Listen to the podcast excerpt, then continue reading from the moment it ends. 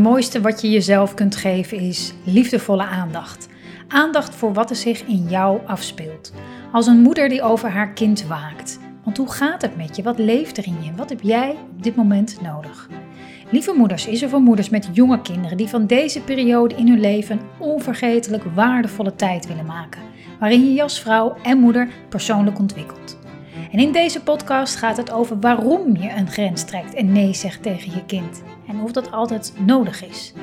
Mijn naam is Marjolein Mennis en ik neem je mee in hoe je het moederschap ook anders kunt ervaren, zodat je veel meer geniet van het moederschap. Welkom bij podcast aflevering 65.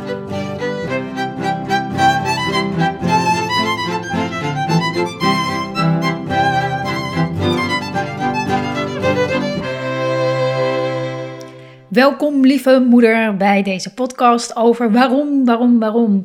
Ehm, en uh, ik kwam er zo op omdat ik tijdens live sessies met uh, moeders heel vaak allerlei opvoedproblemen ehm, um, of opvoeddilemma's, frustraties, vraagstukken voorgelegd krijgt, krijg. En uh, het leuke is, ik ben natuurlijk helemaal geen, ik ben natuurlijk helemaal geen opvoedexpert. Uh, dus dat maakt het allemaal extra interessant. Maar wat, het wel, uh, wat ik wel doe, is kijken naar waarom. Waarom, waarom, deze, waarom gaat heel vaak terugkomen in deze podcast. Waarom je doet wat je doet, waarom je vindt wat je vindt, waarom je voelt wat je voelt. En dat brengt je namelijk bijna altijd dichter bij de oplossing van jouw opvoedprobleem, dilemma, frustratie. Dus daar wil ik het met je over hebben. Ehm, zeker als je nu regelmatig merkt dat je strijd hebt, dat je in, bent met je kind, omdat je kind iets niet wil of juist wel wil en jij het niet wil. Kortom, als er wrijving is, als er strijd is, uh, dan zou ik deze aflevering uh, zeker luisteren. Want wat er vaak wordt gezegd uh, of gevraagd is bijvoorbeeld, even een voorbeeld, mijn kind is 2,5 of 3, maakt niet uit, of 4. En het lukt maar niet om hem aan tafel te laten eten. En nou, er komt er nog wat verhaal ook, uh, ook bij. We hebben dit geprobeerd en dat. En van ons hoeft hij niet dit, maar wel dat. En, dus er komt nog een, een verhaal bij. En de frustratie is dus van hij wil maar niet aan tafel zitten. Of het, of het duurt heel lang. Hè? Ik bedoel, je kan er allerlei varianten van. Of er is iets met het eten. En mijn eerste vraag is dan altijd vaak van waarom, waarom vind je het zo belangrijk dat je kind aan tafel zit met eten? Nou, dan is vaak de eerste reactie, nou ja, gewoon, weet je, dat wil ik gewoon. Ik wil gewoon dat het gewoon aan tafel zitten. En is mijn volgende vraag, maar waarom? Waarom wil je dat? Waarom wil je dat? Nou, ik vind het gewoon, hè, vaak krijg ik dan iets terug als ik vind het gewoon belangrijk dat een kind leert dat, dat we aan tafel eten. Oké, en waarom? Waarom vind jij dat zo belangrijk? Waarom vind jij dat zo belangrijk? En vaak komt er dan iets als, omdat ik bang ben dat als hij nu niet aan tafel eet, dat hij nooit aan tafel wil eten. Of omdat ik bang ben um, dat hij anders niet genoeg eet. Vaak komt er dan iets als, dan ben ik bang dat. Of als ik dit toelaat, dan. als er namelijk strijd is tussen jou en je kind, om wat dan ook, dan, dan is er heel vaak iets van angst in het spel. Bij jou, hè? Bij jou. Er is vaak angst in het spel. Jij wil iets niet of jij wil iets anders. Vanuit een bepaalde overtuiging, vanwege een reden. Net als dat je kind zegt van 2,5, ik steek wel in mijn eentje die drukke straat over. Nou, dan zeg jij nee en is er misschien strijd. Maar er is er een hele duidelijke angst, want als je kind oversteekt, op die drukke straat is de kans groot dat er een auto of een fiets tegen hem aanbotst. Dus, maar dit, zit hem, dit is een hele reële angst. Dit is een hele reële angst. vaak is het angst dat uh, het niet stopt. dat als je kind nu niet aan tafel eet, dat hij dat nooit meer wil. Of angst dat als je het nu niet corrigeert, dat het inderdaad voor altijd maar zo zou zijn. Angst dat um, in een ander geval dat je kind misschien pijn of verdriet krijgt of ongemak ervaart. Dus daarom grijp je in. Of angst dat je kind uh, over je heen gaat lopen als je hier niet een duidelijke grens trekt. Hè? Of soms is het ook in situaties angst, angst van wat anderen er wel niet van denken. Hè? Als je het hebt over het aan tafel eten, dan, dan, dan uh, zijn we vaak trots op onze kinderen. Zeker in gezelschap, als jouw kind uh, lekker eet en ook aan tafel zit. Hè? Dan voelen we, dan, dat, dat, dat vinden we beter. Hè? Op de schaal van, uh, van uh, goed naar fout vinden we dat beter dan een kind. Nou, wat misschien één hap eet en daarna meteen van tafel is vertro vertrokken. Dat vinden we um, minder goed, minder goed gedrag. Maar waarom? waarom vinden we dat? Hè? En wat ik zei, sommige angsten zijn, zijn heel reëel. En is het goed om daar een grens te trekken. Hè? Het is niet om te zeggen, joh, je moet alles maar lekker een beetje toelaten. Maar wat heel bevrijdend kan werken voor jezelf, is na te gaan, waarom wil ik dit? Waarom wil ik dit niet? Waarom trek ik hier een grens? Um, want heel veel, heel vaak zitten we, gaat het over onze eigen angst onze eigen angsten. Dat wat er in ons leeft. Um, vaak hebben we dat overgenomen. Overgenomen van onze eigen ouders. Overgenomen van uh, alles wat we geleerd hebben in, het in de loop van ons leven. Wat we zien bij anderen. Vaak zitten we zo, we zijn zo geconditioneerd dat het best wel lastig aanvoelen is of je iets niet wil vanuit jezelf, van jou, vanuit jouw diepe overtuiging dat het Ehm, dat, dit het, dat dit het beste is, dat je het zo wil. Of dat het iets is wat je eigenlijk ja, klakkeloos, ook, dat klinkt een beetje onaardig, maar het is gewoon uh, zonder dat je er bewust van bent, overneemt omdat het zo hoort. Omdat we dat met z'n allen zo hebben afgesproken. Omdat um, uh, mijn ouders het ook zo deden. En ik ben er ook niet slechter van geworden. Dus het is gewoon zoals het is. Um, dat is, dat is vanuit een heel andere motivatie. En er ontstaat vaak strijd als een kind aanvoelt dat het eigenlijk het waarom niet niet duidelijk voor jou is. Als het niet komt vanuit jouw ware zelf, als het ware, als het niet een overtuiging echt in jou is. als je nog even het, het, oversteekvoorbeeld nemen. Nou, dat, dat, dat, dat is niet een conditionering. Dat is niet een. Uh, hè, als je daarvan zegt: nee, dat wil ik niet. Daar, voel je heel sterk en zelfverzekerd bij, bij die grens. Nee, dat wil ik niet. Want dat is te gevaarlijk. En vaak kan je kind dat veel, ook veel beter horen en snappen als je dat kort en bondig, niet te lang discussiëren bij een uh, stoplicht, maar als je dat uitlegt, als je dat uitlegt, als je dat zegt. Maar stel je voor dat het met al jouw grenzen zo zou zijn. Dat je heel helder hebt voor jezelf. Dit is waarom ik dit niet wil. Dit is het, dit is waarom. Dus ga eens na, gewoon nu, nu je toch luistert. Ga eens bij jezelf na, waar heb jij vaak strijd over met je kind? Waar heb je vaak strijd over? En ga dan eens na, waarom? waarom? Waarom heb je daar strijd over? Waarom vind je dat wat je kind wel mag of niet mag? Of in het tempo, hoe die het doet? Of wat?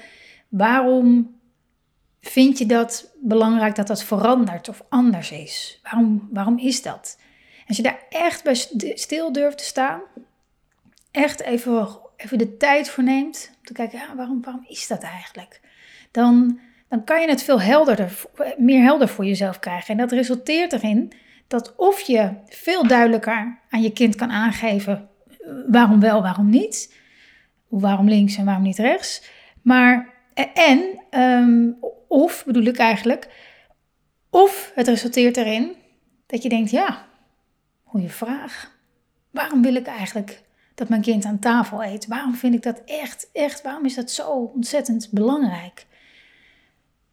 En wat zou er gebeuren als ik dat minder belangrijk zou vinden? Wat zou er dan veranderen? Wat zou er dan veranderen? Oké, nou dan zit mijn kind waarschijnlijk niet meer aan tafel, denk ik. Dan is er geen strijd, want ja, dan laat ik het voor wat het is. Dus er is geen strijd. Ik heb geen kind aan tafel. Zou mijn kind honger krijgen? zou ik zit er gewoon even zo hard op te denken. Zou mijn kind dan honger krijgen? Ja, misschien wel. Kan mijn kind dat aangeven als hij honger heeft? Ja, ja zegt hij altijd wel.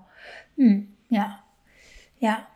Hm, hoe zou ik het hoe vind ik dat erg als hij honger heeft en dat dan op een ander tijdstip e-, eet of, of, of later of op een andere manier of op een andere plek? Is dat voor mij oké of is dat voor mij echt absoluut no-go?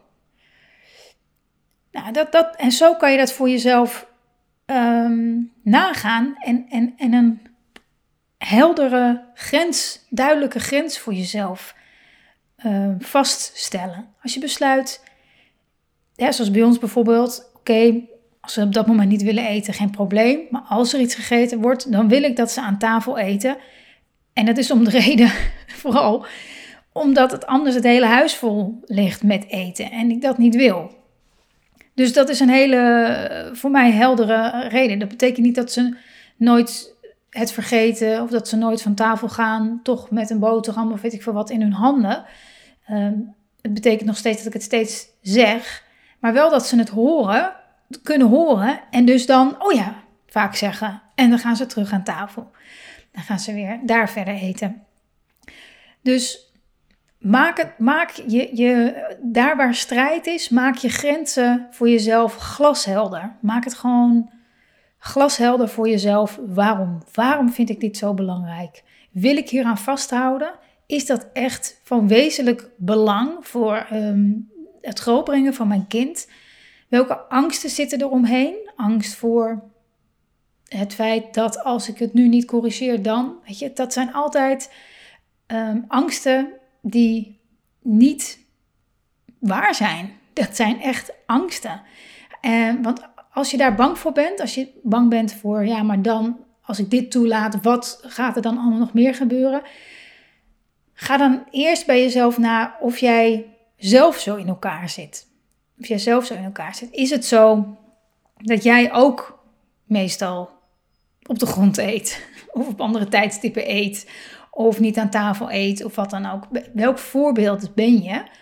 En als jij voorleeft wat jij fijn vindt, waar je achter staat, wat je een prettige manier van leven vindt, dan is de kans heel groot dat jij dat ook meegeeft aan je kind. Zonder dwang, maar gewoon tussen de regels door. Ze zien het elke dag weer.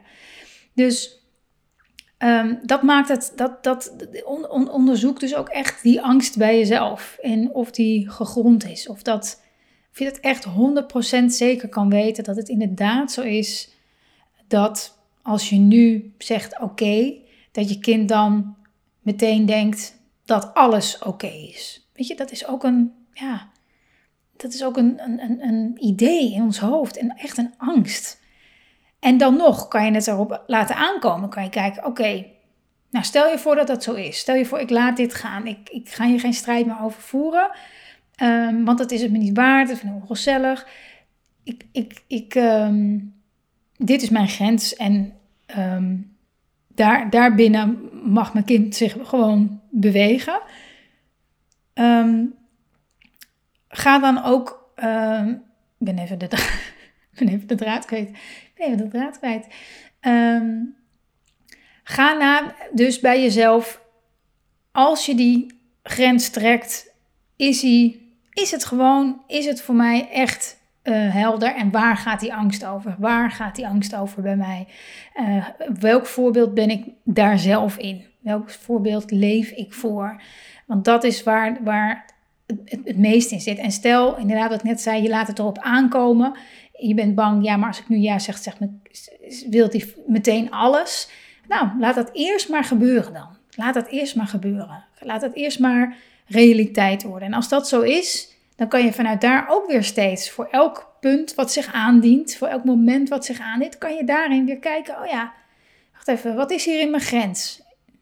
Is die duidelijk? Nou, dat kan je zien aan je kind. Hoort je kindje, ook al krijg je protest, maar hoort je kindje, dan is hij, dan is hij duidelijk.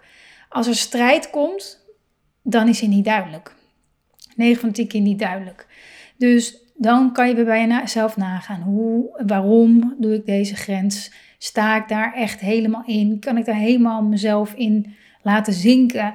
Ehm, kan ik één worden met deze grens en het vanuit daar steeds weer aangeven? Nee, dit wel, dat niet. Um, geef daarin ook echt, uh, zeker als je vaak um, strijd hebt, steeds alternatieven. Waarom wil ik dit niet? Om die reden. Maar wat ik wel, wat je wel mag, hè, is dit. Dat je ook meteen kijkt, oké, wat is de behoefte van mijn kind? Waar heeft mijn kind behoefte aan? Nou, blijkbaar, als hij niet aan tafel wil zitten, heeft hij behoefte aan bewegen, um, aan andere dingen doen, de wereld om hem heen ontdekken bijvoorbeeld. Oké, weet je, um, dit wel, uh, of nu aan tafel en over vijf minuten mag je lekker spelen en eten papa en mama nog even, even verder of iets dergelijks. Hè? Dus kijk ook meteen, zoek een mogelijkheid voor je kind om de behoeften van je kind wel, dat dat wel um, tot uiting kan komen. Ook daarmee voorkom je gewoon veel strijd. En dat is ook logisch, want als jij, als jij alleen maar van iemand hoort, weet ik veel, van je, van je leidinggevende of van je collega of van je, je buurman of je buurvrouw, alles wat niet mag, de hele tijd of zo, hè? Nee, dat wil ik gewoon, weet je, dan, dan raak je ook gewoon geïrriteerd. En denk je, ja, wat ben je nou voor een sukkel, weet je? Dan krijg je, dan krijg je een beetje dat gevoel, wat, zit je nou? Dus het is ook fijn als iemand zegt, nee, dat wil ik niet, want uh, ik wil niet dat je die schutting weghaalt, de buurman of zo. Ik wil niet dat je die schutting weghaalt, want ik vind het zo fijn dat daar die roos tegenaan klimt. En in de zomer geniet ik daar zo van. Uh, maar ik vind het wel oké als we een nieuwe neerzetten als deze niet meer, weet je. Dan denk je, oh ja, ja, nou, prima, weet je. En dat is voor je kind gewoon precies hetzelfde. Dat, dat vergeten we soms wel eens. Dus, waarom? Waarom wil ik dit niet? Waarom wil ik dit wel? Check het. Check het bij jezelf en kijk welke eventuele angst eronder schuilt.